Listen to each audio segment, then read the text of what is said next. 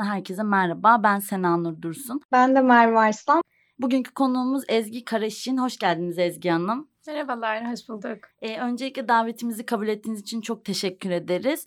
Ee, sorularımıza geçmeden önce böyle biraz sizi tanısak aslında öyle başlasak. Tabii ki. Ee, 2014 yılında ODTÜ işletmeden mezun oldum ben. Aslen Adanalıyım. Ailem orada. Üç tane küçük kız kardeşim var. Kardeşlerim de benim arkamdan iki küçüğüm ODTÜ'ye geldi. Şimdi en küçük de lisede üniversite sınavına hazırlanıyor.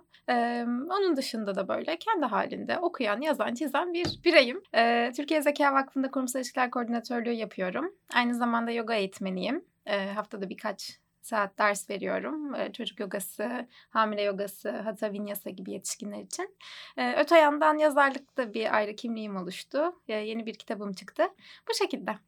Evet aslında siz de bahsettiniz. Ben ilk olarak Türkiye Zeka Vakfı'nın amacından ve aslında çalışmalarının kapsamından da biraz bahsetmek istiyorum. Ee, tabii ki biz 1995 yılında kurulmuş bir vakfız. Ee, amacımız bilgiye, bilime, zekaya, entelektüel değerlere daha fazla önem verilmesini sağlamak. Bu amaçla da çeşitli etkinliklerimiz var. Kongreler düzenliyoruz, yarışmalar yapıyoruz, e, zeka oyunları üretiyoruz gibi. E, öte yandan amacımız ne diye bakıldığında bilgi toplumu olma yönünde e, yürütülen faaliyetler. E, amacımız insanların zekaya, bilime gerçekten önem vermesi.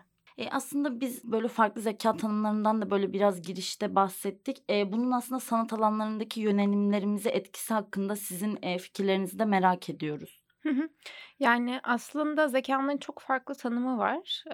Benim kendime en yakın hissettiğim tanım zekanın içinde bulunduğun koşun, koşulları anlayarak ona uyum sağlama, adapte olabilme yetisi olduğunu düşünüyorum.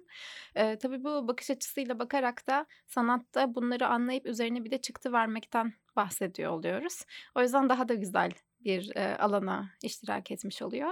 Zaten e, zeka denince yaratıcılık da onu ta- tamamlayan bir kavram olduğu için e, sanat alanlarındaki etkisi daha bütünleyici bir e, kırılımı oluyor.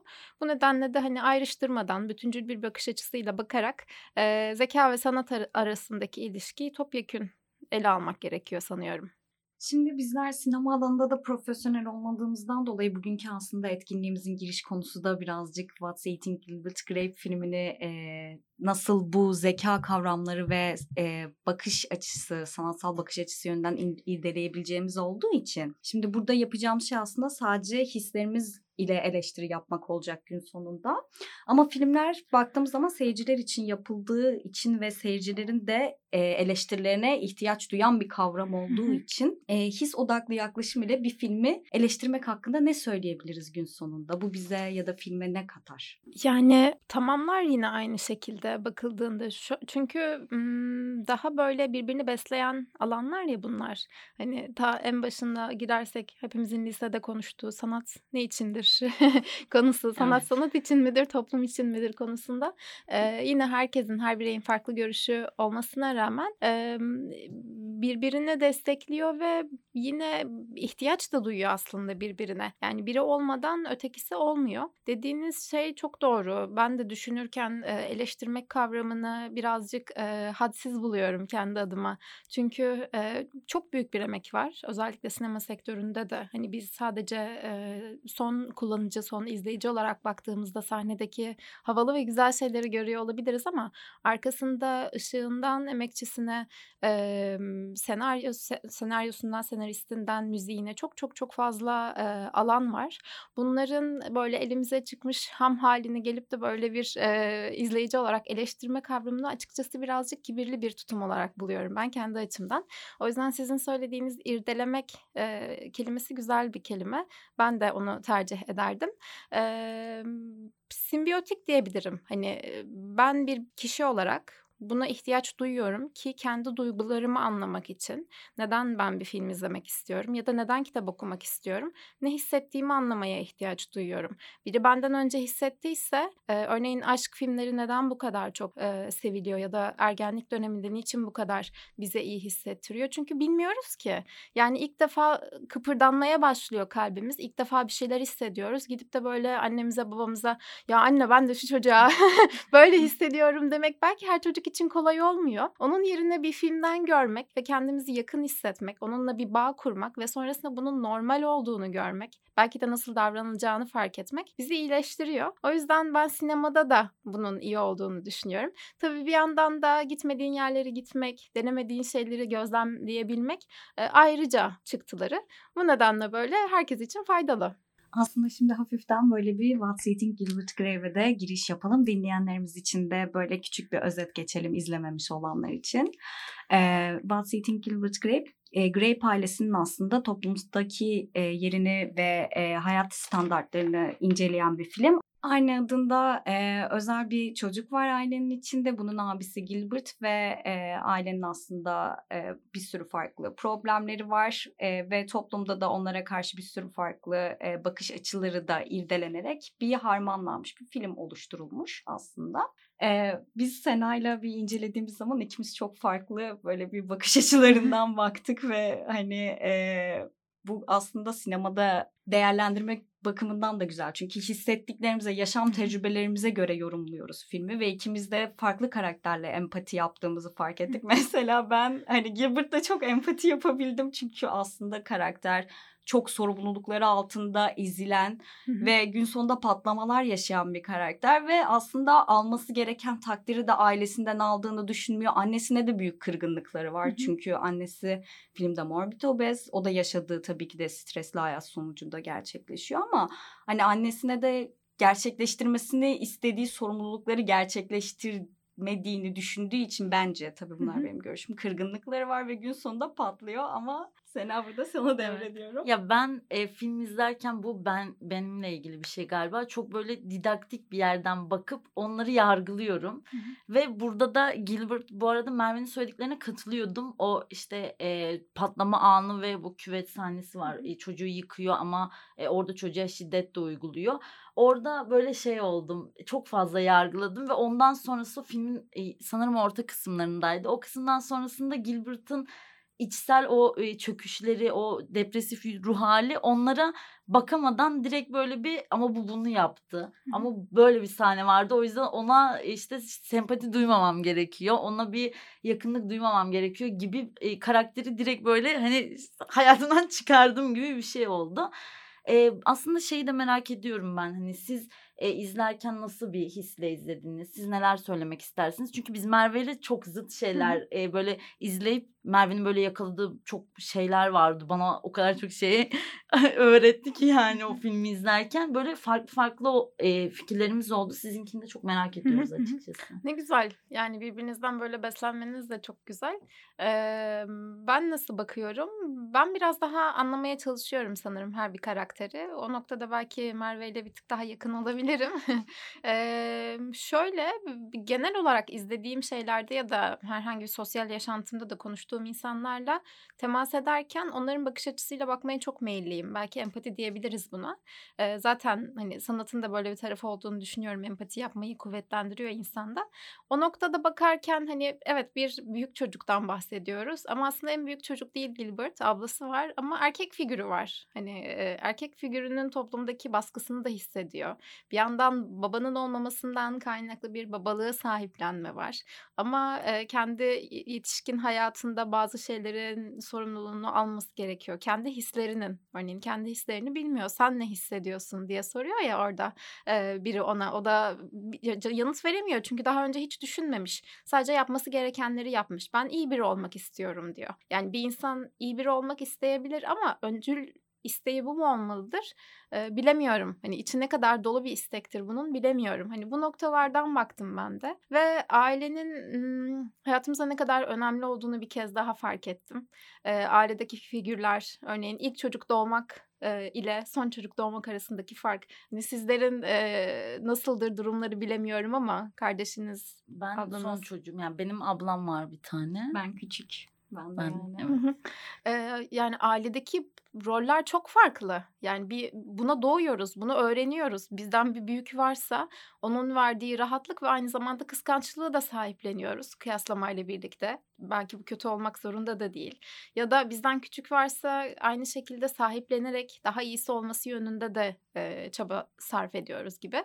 Hani bu noktalarda baktım ve e, bilmiyorum hani birbirimizi belki anlasak hayat daha kolay olabilir. Ve oradaki filmdeki de yaklaşım o ya hani senin söylediğin Sena başlarken farklı açıdan baktın sonunda bir yargı barındırdın ve o bir yargıdan dolayı aslında kızdın. Sonra ama bittiğinde e, belki de böyle hissetmemeliydim diye kendini yargıladın bu sefer. Hani orada ben yargının e, hepimiz için yapılan yargıların tek uçlu olmadığını düşünüyorum. Muhakkak birine gösterilen yargı dönüyor, dolaşıyor, kendimize de geliyor. Şimdi ben aslında bir şey sormak istiyorum. Burada birazcık zeka kavramına da geri döneceğim. Ee, hani içinde barındığımız ortam aile aslında bizi şekillendiriyor. Hı hı. Çünkü Gilbert ve oradaki e, kızın ismini unuttum.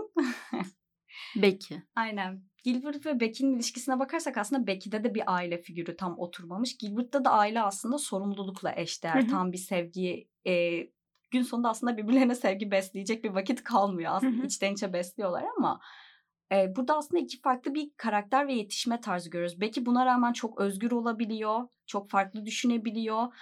E, gezebiliyor, görebiliyor ama Gilbert hep bir yerde şey kapalı. E, günümüz toplumunda böyle bizim aile yapılarımızı incelediğimiz zaman bunun bizim gelişimimize, zekamıza hatta birazcık da podcast'e dönersek yaratıcılığımıza etkisi ne olabilir acaba? Ailelerden gördüğümüz yaklaşımların evet. soruyorsunuz değil mi? Şöyle ben de benzer açılardan düşündüm filmi izlerken ve şunu fark ettim. Böyle olabileceğini yorumladım. Sonuçta e, otorite değilim ben de dediğiniz gibi. Sadece kendi tarafımdaki yansımalarını söyleyebilirim. Büyük annesi tarafından bir kabulleniş görüyor ya. Hani Hı-hı. bizim e, belki ailelerimizde çok görmediğimiz bir şekilde. Örneğin Gilbert'la çimlerde uzanıyor ve uyuyor. Sarılarak uyuyorlar. E, ve büyük annesi geliyor bakıyor sevgiyle geri dönüyor. Hani ben emin değilim Türkiye'de e, kaç kişi böyle çimlerde de çocuklarım yatıyormuş. Oh üzerine de ben örteyim desin. Hani bizde böyle hemen bir namus kavramı, yargı kavramı, hani ayıp, günah, e, yasak kavramları o kadar giriyor ki hani hemen bir yargılıyoruz. E, bu noktada ben şey diye düşündüm. Hani bir yerden kabul gördüğü için, bir yerden rahatladığı için en azından kendi varoluşunu daha kolay gerçekleştirebilmiş. Evet onun içinde de belki problemler vardır ki bağlanamamak, e, gitmek, e, o kadar yoğun duygular hissetmesine rağmen gidebilmek. Hani bunlar da konuşulması gereken konular olabilir. Ama bakıldığında daha sağlıklı bir yetişkinden bahsedebiliriz ya da genç yetişkinden bahsedebiliriz. E, o noktada ben ona bulmuştum. Bir tarafta Gilbert'ın çünkü sahiplenilmemesi, onaylanmaması vardı. Bizim tarafımızda gelince de şöyle düşünüyorum. Hani e, zekanın üç tane önemli bileşeni olduğu söyleniyor uzmanlar tarafından. Bir tanesi beslenme. Yani bu balık yağları balık yağları diyorlar ya. Gerçekten evet önemli balık yağları omega 3'ler.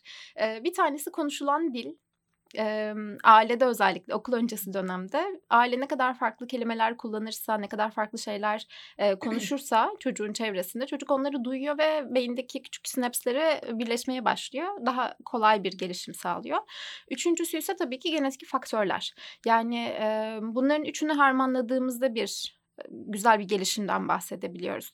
Bizim toplumumuzda tekrar dönecek olursak şimdi kendini gerçekleştirememiş anne babalar var ya hani bunların yetiştirdiği çocuklar da var ki e, bu bir yargı barındırıyor gibi görünse de aslında kendi içinde de e, anlayış da gösterdiğini düşündüğüm bir şey. Çünkü onlar da öyle görmüşler. Onlara da kızamıyoruz. Yani kaçımız annemize babamıza e, böyle gönül rahatlığıyla kızıyoruz ki. Kızıyoruz ama bir yandan da şey diyoruz ya evet baba sen de babaannemden de yani hani o kadar da görmemişsin değilsin. Sana da bir ben küçükken de halimle sadece sempati duyabiliyorum. Sana e, yakın hissedebiliyorum diyorum e, ya da diyoruz hepimiz. O noktada da baktığımızda böyle bütüncül, e, hepsi birbirini etkileyen e, ve maalesef bizim gelişim körbümüzü çok yukarı kaldırmayan, daha minik minik adımlar atmamıza neden olan bir eğilimdeyiz kültürel olarak sanıyorum.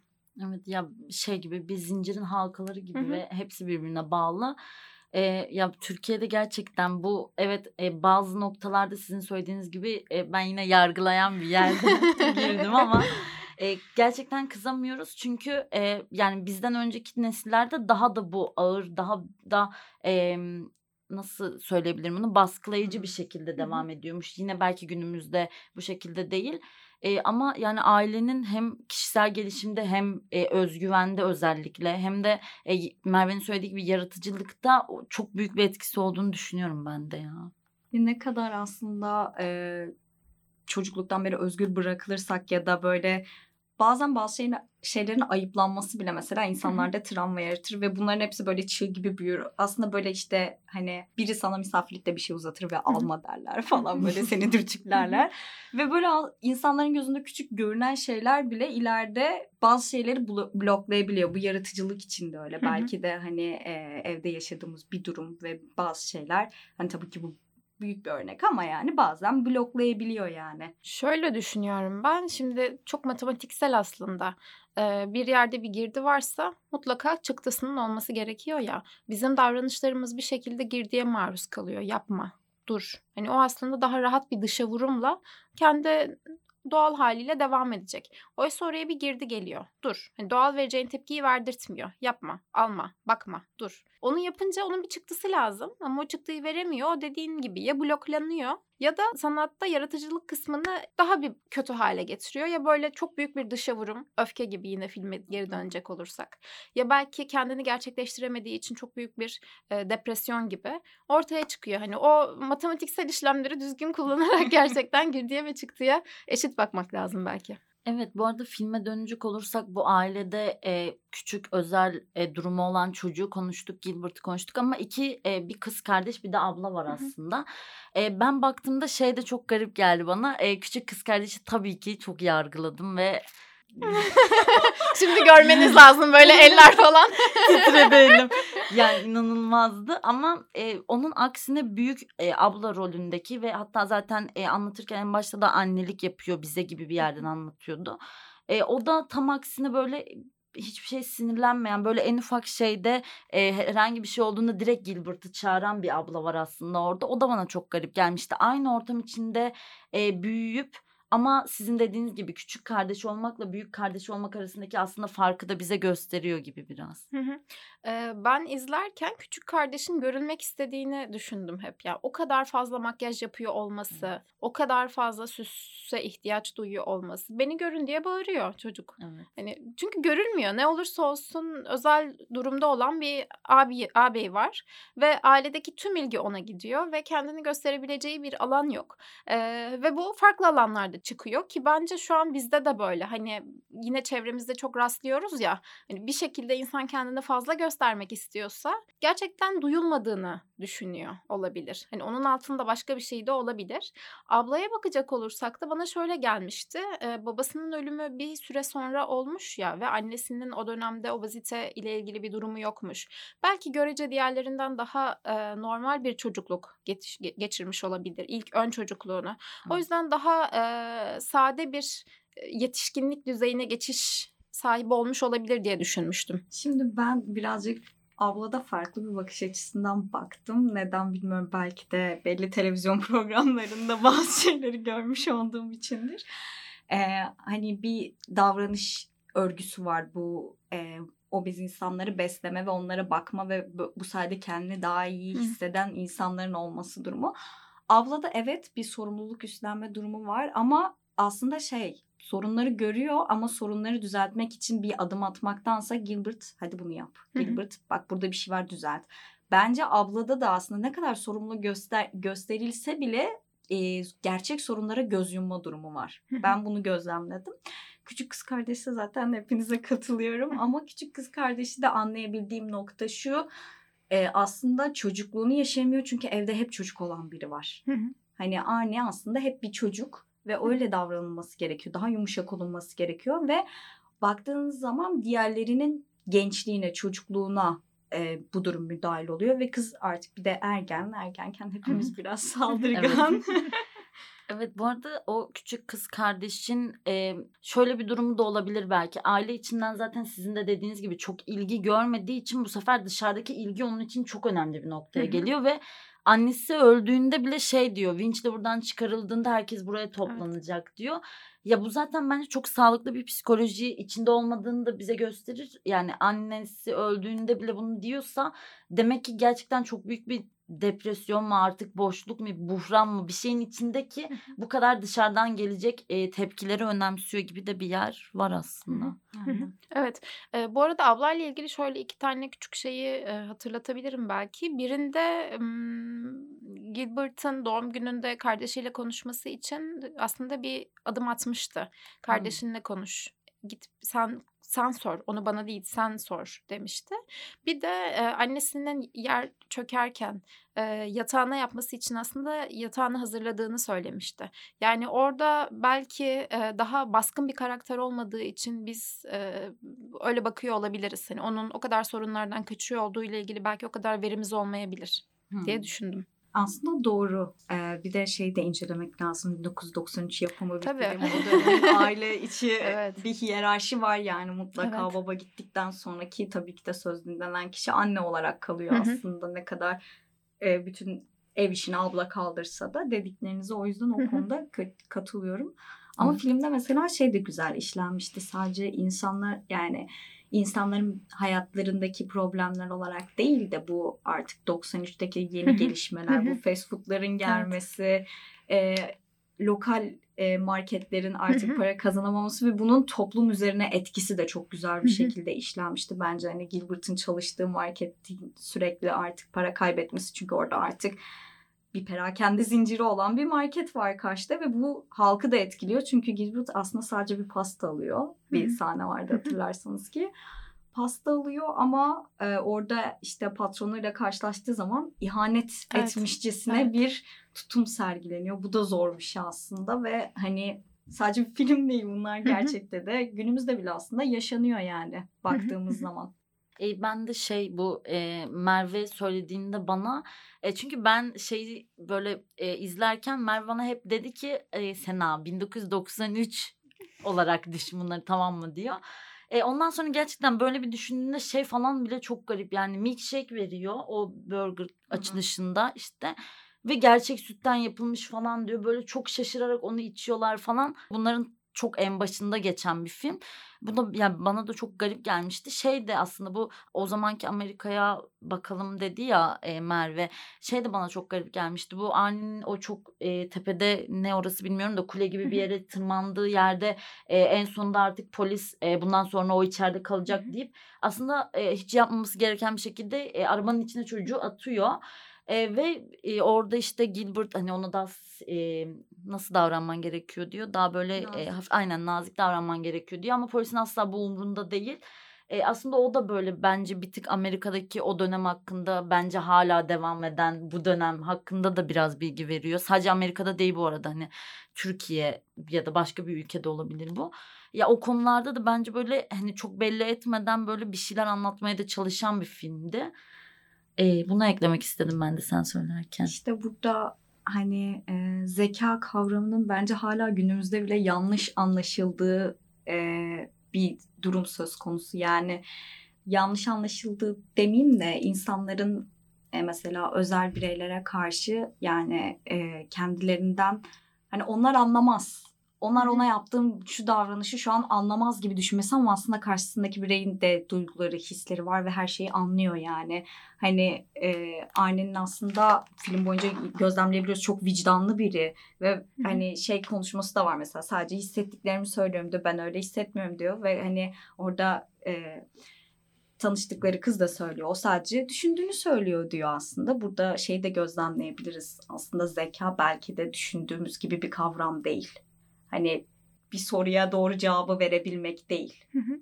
yani bana bunu anımsattı burada filmin bu konusu. Tabii kapitalist bir düzeni çok alttan alta veriyor bize. Yani o kadar net görüyoruz ki bireyin hiçbir e, öneminin olmadığı, e, topyekün olduğunda o, mecraları yönetmenin görece daha kolay olduğu ve farklılıkların e, bir an önce standartizasyona gidilmesi gerektiği gibi e, nedenler görüyoruz. Burada bir hamburgercide çalışmak da bunun bir örneği gördüğümüz şekilde. Ee, öte yandan eve alınan ürünler hani bu, burada ucuza, ucuza mı kaçılmış demesinde bile görüyoruz. Ee, bir yandan da tabii his, his odaklı gidildiği için hani çok farklı bakmak lazım. Hani zekanın da evet ya zeka gibi değil de herkesin biricikliğini gözeterek yaklaşmak gerekiyor.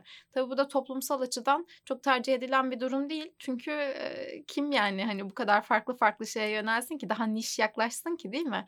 Yani bir marka yönetiminde bile bakıldığında e, benzer zevklere sahip olan kitleleri yönetmek her zaman daha kolay. Ya bir de e, bahsetmedik ondan da biz Merve'yle konuşurken e, iyi olmuştu. Böyle e, Gilbert'ın aslında e, annesiyle çok fazla bir şekilde dalga geçmesi ama aynı zamanda e, o işte e, o ev çökecekken aşağıda e, zaten oraya kendisi giremiyor. İşte babası orada vefat ettiği için ama şey de çok garipti hani orada annesine bunu göstermeden yapmak istiyor. Aslında annesi yokken onunla dalga geçiyor.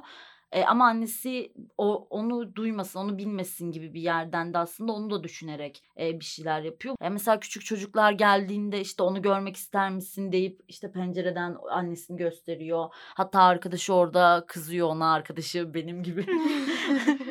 Bence burada utanç işte bu duygunun adı. Yani utandığı için annesinden e, o utancını aklayacak şeyler yapıyor. Evet küçük çocukların da onunla dalga geçmesini istiyor. Çünkü utancını aklayacak bir şey.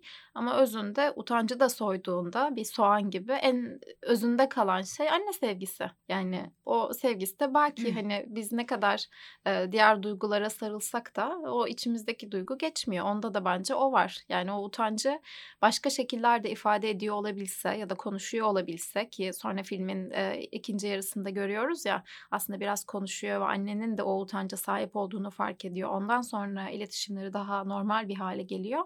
E, sonrasında ona gitmek kolay yoksa hani dış zarlardaki duygular daha çok göze çarpıyor. Evet. E, bu arada şey de e, belki konuşulabilir. E, küçük kardeş de utanıyor, Gilbert de utanıyor ama ikisinin bunu dışa vurma şekilleri de farklı. Hı hı. Küçük kardeş gerçekten çok agresif bir şekilde ve bunu dile getirmekten de aslında çekinmiyor. Ben utanıyorum diyor ve insanlar bunu görecek diyor. Hatta bu karakoldan annesiyle birlikte çıktığı yerde de hani e, bunu çok belli ediyor ve belli etmekten çekinmiyor. Gilbert'ta da sizin dediğiniz yerden hiç bakmamıştım bu arada. Hani o çocukların da e, bununla dalga geçmesi evet e, ve ama bunu annesinin de duymasını görmesini istemiyor üzülmesini istemiyor. Kaos dolu bir. bir de şöyle bir durum var. Ben kendi ailemde, kardeşlerimde de gözlemliyorum. Mesela küçük çocukların bir şeyleri ifade etmesindeki rahatlıkla büyük çocuklarınki aynı değil. Büyük çocuk ufak bir şey söylese de işitileceğini biliyor. Hani belki daha otorite figürü olarak bakıldığı için. Fakat küçük çocuk işitilmeyeceğini duyduğu için daha agresif bir şekilde söylüyor. Ya da zaten önemsenmeyeceğini bildiği için e, susuyor. Söyleyeceğinin yüzde yirmisini falan söylüyor. Hani zaten duymayacaksınız ki yaklaşımıyla bakıyor. O yüzden filmde de bu e, küçük büyük çocuk yaklaşımları var sanırım. Yani aslında sadece toplumda bir hiyerarşi yok. En küçük çekirdekte başlıyor, evet. aileden başlıyor. Bu hiyerarşinin olması da insanın kendini gerçekleştirmek diyoruz ya herhalde o kısmında büyük bir balta vurduğunu düşünüyorum ben. Çünkü gün sonunda baktığımız zaman aslında 12 yaşındaki bir birey de gayet mantıklı konuşabilir belli bir oranda tabii ki de. Ama 20 yaşındaki bir, bir birey de mantıklı konuşabilir. Bu belli bir oran hemen açıklayayım. Bu matematikten falan bahsediyorum sonra taşlanmayayım. Yoksa toplumsal konulardan bahsetmiyorum. Ee, baktığımız zaman işte hani aslında bu toplumsal hiyerarşi sadece yaştan da ilerlemiyor. Hani birazcık da cinsiyete kadar uzanan bir süreç var baktığımız zaman. E, böyle film hakkında başka böyle eklemek istediğiniz bir şey var mıdır diye de sormak istiyorum aslında ben. E, oyunculuklar çok şahaneydi. Onu söyleyebilirim. Evet, Gerçekten e, Leonardo DiCaprio'nun oyunculuğunu evet. çok çok çok sevdim. Hani küçücükken evet. öyle olması çok güzel, İnanılmaz. çok etkileyiciydi. Şey Johnny Depp de bence yani şeyi iyi veriyor bence. O içinde bulunduğu durumun yani kendine yaptığı şeyi de aslında çünkü o durum ona bir şey yapıyor gerçekten. Onu da çok iyi veriyor. Ben de oyunculukları böyle zaten en son sahnede anneler ay bunu söylememem gerekiyor olabilir. E, son sahnede Leonardo DiCaprio'nun o inanmayıp hadi artık şunu bitir falan demesi o gözündeki o çaresizlik falan gerçekten mükemmel bir oyunculuktu. Bana düşmez gerçi ama gerçekten çok iyiydi yani. Ben ağladım çünkü izlerken. Vallahi büyük bir Leonardo DiCaprio fanı olarak hani o role de girebildiğini gördükten Evet. sonra çok doğru bir karar verdiğimi anladım gene fanı olmakla. Gerçekten bir de o yaşta Evet. o role girebilmek de ayrı bir şey diye e, düşünüyorum. E, toplumsal ayrımlardan bahsetmişken aslında e, yeni çıkan romanınızdan aslında ilk romanınızdan e, da bahsetsek çok güzel olabilir diye düşünüyoruz. E, böyle Bana Rağmen ismi. Hı hı. E, biraz e, içeriğinden ve e, o süreçten de bahsedebilir misiniz? Eee, tabii ki yani tam bana rağmen aslında o toplumsal eee, yükümlülüklerimiz, içinde bulunduğumuz şartlar, koşullar, eee, okuduğumuz okul, kazandığımız meslek, yaptığımız iş, eee, her şeye rağmen yaptığımız yani her şeye rağmen ortaya çıkardığımız biz eee, gibi bir şeyle koy- koyulmuş bir başlık. Bir genç kadının kendini yeniden keşfetme ve dönüşüm hikayesini anlatıyor. İstanbul'da kurumsal bir yerde çalışan e, 30'lu yaşlarında bir kadın gayet başarılı, iyi bir üniversiteden mezun olmuş. Bir ilişkide duygusal manipülasyona maruz kalarak kendi kendini sorgulamaya başlıyor, gerçekliğini sorguluyor ve İtalya'ya gidiyor. Yeniden bir hayat inşa etmek için kendine. Orada beslenme antropolojisi üzerine çalışıyor. E, ve sıfırdan bir şeyler yapmaya başlıyor. Geri kalanını çok anlatmayayım. Biraz da e, olay değil durum odaklı bir kitap. E, Ben filmlerde de onu severim. E, Festival tadında. Böyle bana hissettirdikleri her zaman önemlidir. E, kitapta da onu gözetmeye çalıştım. Evet bence zaten e, Türkiye'deki e, durumu da düşündüğümüzde çok iyi bir konuya parmak basan bir kitap gerçekten. E, yeterince yargı dağıttığıma göre inanılmaz gerçekten. E, çok teşekkür ediyoruz. Gerçekten e, yani hem böyle film e, eleştirmek değil, irdelemek. E, böyle sizinle bunu konuşmak, e, böyle gerçekten hani hiçbirimiz profesyonel değiliz ama bir şey görmediğimde böyle siz onu anlattığında evet ya ben buraya hiç böyle bakmadım diyorum o filmde, o sahnede, o karakterde belki. Bence çok keyifli oldu o yüzden. Çok teşekkür ediyoruz katıldığınız için. Ben teşekkür ederim. Ee, filmlerin de kitapların da bize hissettirdiği tekrar olacak ama başka bir bakış açısıyla bakabilmek. Zaten hepimizin ihtiyacı olan da bu. Yani daha iyi bir Türkiye'de yaşamak istiyorsak, daha barışçıl ve daha iyi bir dünyada yaşamak istiyorsak başka doğruların varlığını da kabul etmeli ve onların bakış açısıyla da bakabilmeliyiz. O noktada bu yaptığınız iş hakikaten çok kıymetli. Hani başka bir görüş mümkün ve başka bir görüşü de e, dinlemekle bu ancak mümkün olabiliri göstermek. Elinize sağlık, ağzınıza sağlık. Ee, başarılarınızın devamını diliyorum. Çok Başka etkinliklerde görüşmek üzere diyelim. Çok sağ olun. E, görüşmek üzere. E, bizi dinlediğiniz için de teşekkür ederiz. Hoşçakalın.